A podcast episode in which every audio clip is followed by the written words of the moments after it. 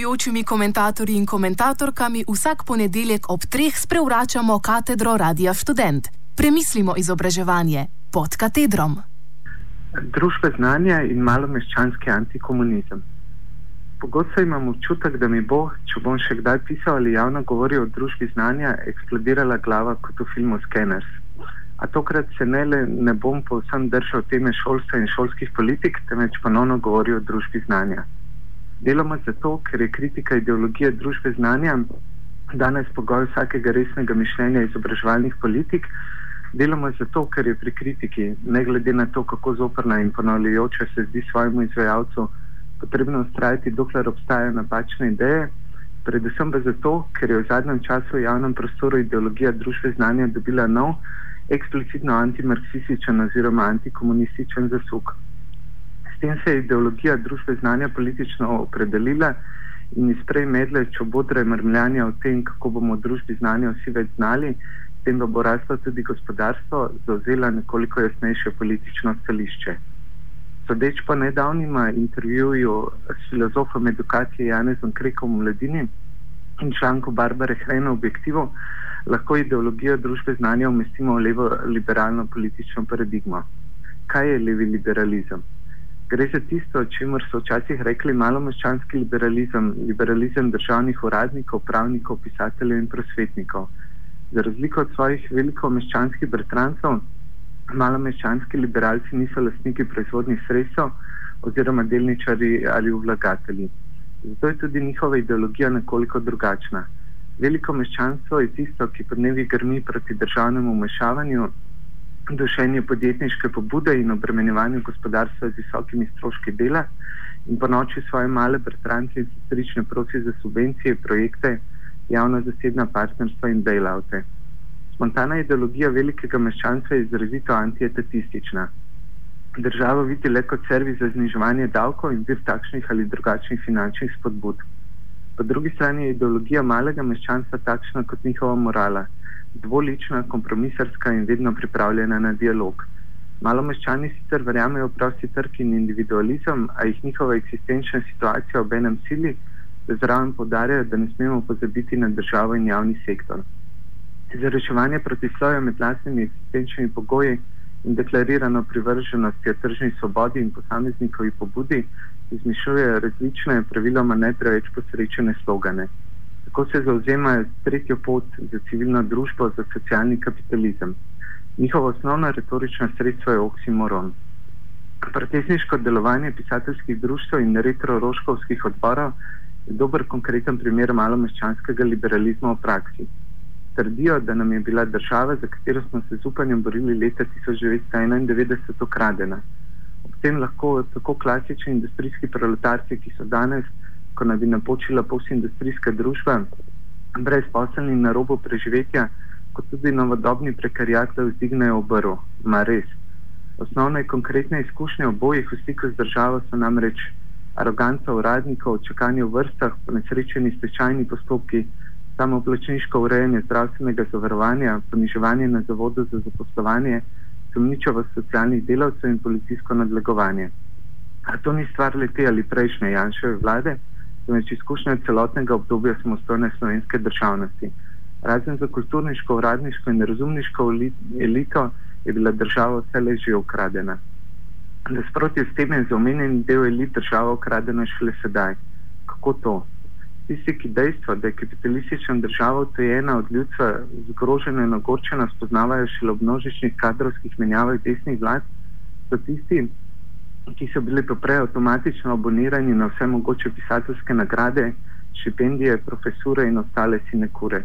Borili so se in izborili so državo zase, ne pa tudi za industrijske ali prekarne kognitivne delavce, za brezposelne migrante, socialno izključene ki v svojem pompoznem nacionalističnem moraliziranju praviloma pozabijo omeniti, če pa jih že jih, jih le kot retorični ornament ali pa kot jalo poskus pridobiti množice na stran svoje statistično-nacionalistične kampanje. A pisatelji in odborniki so zaradi svoje zbeganosti in politične nepismenosti prelahka tarča. Poleg tega pa že preveč zahajam s teme. Vrnimo se k družbi znanja. Ta predstavlja zadnjega v nizu ponesrečenih konceptov, s katerimi poskušajo malo meščanski liberalci domišljiji preseči protislovje med svojo dejansko eksistenčno situacijo in svojimi ideološkimi predstavami. Če je ideologija civilne družbe puščala ekonomsko vprašanje ob strani in je ideologija tretje poti predstavljala edini brezkompromisni dosežek malo meščanskega liberalizma, to je brezkompromisno kapitulacijo pred neoliberalno ekonomsko in socialno politiko, kar je resno ogrozilo same eksistenčne pogoje malo meščanstva, je družba znanja nekoliko bolj ambiciozen in premišljen poskus uskladiti lastno financiranje iz proračuna z vero v prosti trg in posameznikovo svobodo. V čem je prelomna novost koncepta družbe znanja, ki malo meščanskim si ne koristamo lajša vest in omogoča vsaj na videzno eksistencialno stabilnost. S tem, da naenkrat odkrije, da je v družbi znanja tudi javni sektor koristen in uporaben za gospodarstvo. A ker so malo meščani preveč boječi in prekaljeni v kulturi dialoga, da bi napadli svoje veliko meščanske tovariše, razlog za to, da do sedaj niso videli, da do sedaj nihče ni uvidel ključnega pomena javnega sektorja za gospodarstvo, locirajo nič manj kot komunistični zaroti. Ideološka hegemonija marksistične dogme pod socializmom in tista, tako krek in hren, ki nam je preprečevala videti gospodarsko koristnost in dodano vrednost javnega sektorja.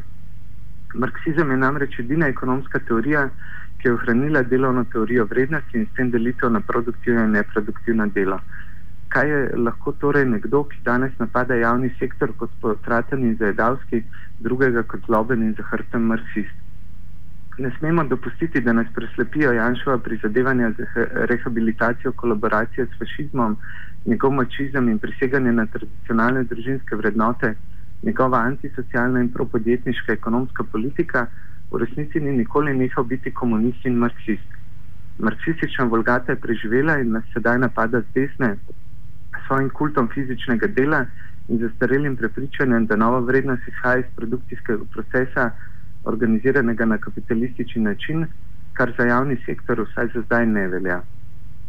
Nikakor, trdijo malo meščanski liberalci, nova vrednost v družbi znanja izhaja iz uganili ste znanja. Ker znanje dodaja vrednost v znanske dejavnosti, ki trenutno v veliki meri potekajo v javnem sektorju, seveda pomembne za gospodarstvo. Spomnimo se na rektorjevo protestno pismo, ki ga je aprila lani napisal kot reakcijo na napovedane reze v šolstvu. Narežite znanje, saj sistem gospodarstva ne mogoča rasti na razvoju prihodnosti.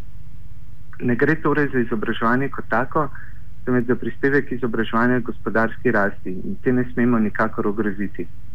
Malomeščanski liberalci so izjemno pazljivi, ko gre za stvari časti in ogleda.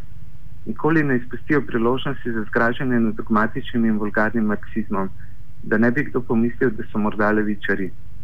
Z veliko, z, z veliko meščani ohranjajo dobre odnose tako, da hkrati nikoli ne pozabijo dodati, da ima javni sektor smisel le, ukolikor gospodarstvo ponuja vir dodane vrednosti.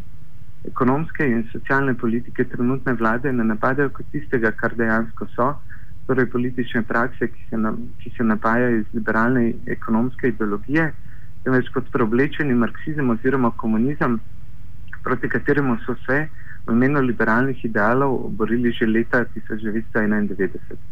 V tem je najbolj zasledna Barbara Hren ne delovna teorija vrednosti, ki še kakor mora tiščina možgane živi, temveč marginalizem in teorija mejne koristnosti. A kritike malo liberalstva so tako prazne in neumne kot njihove teorije.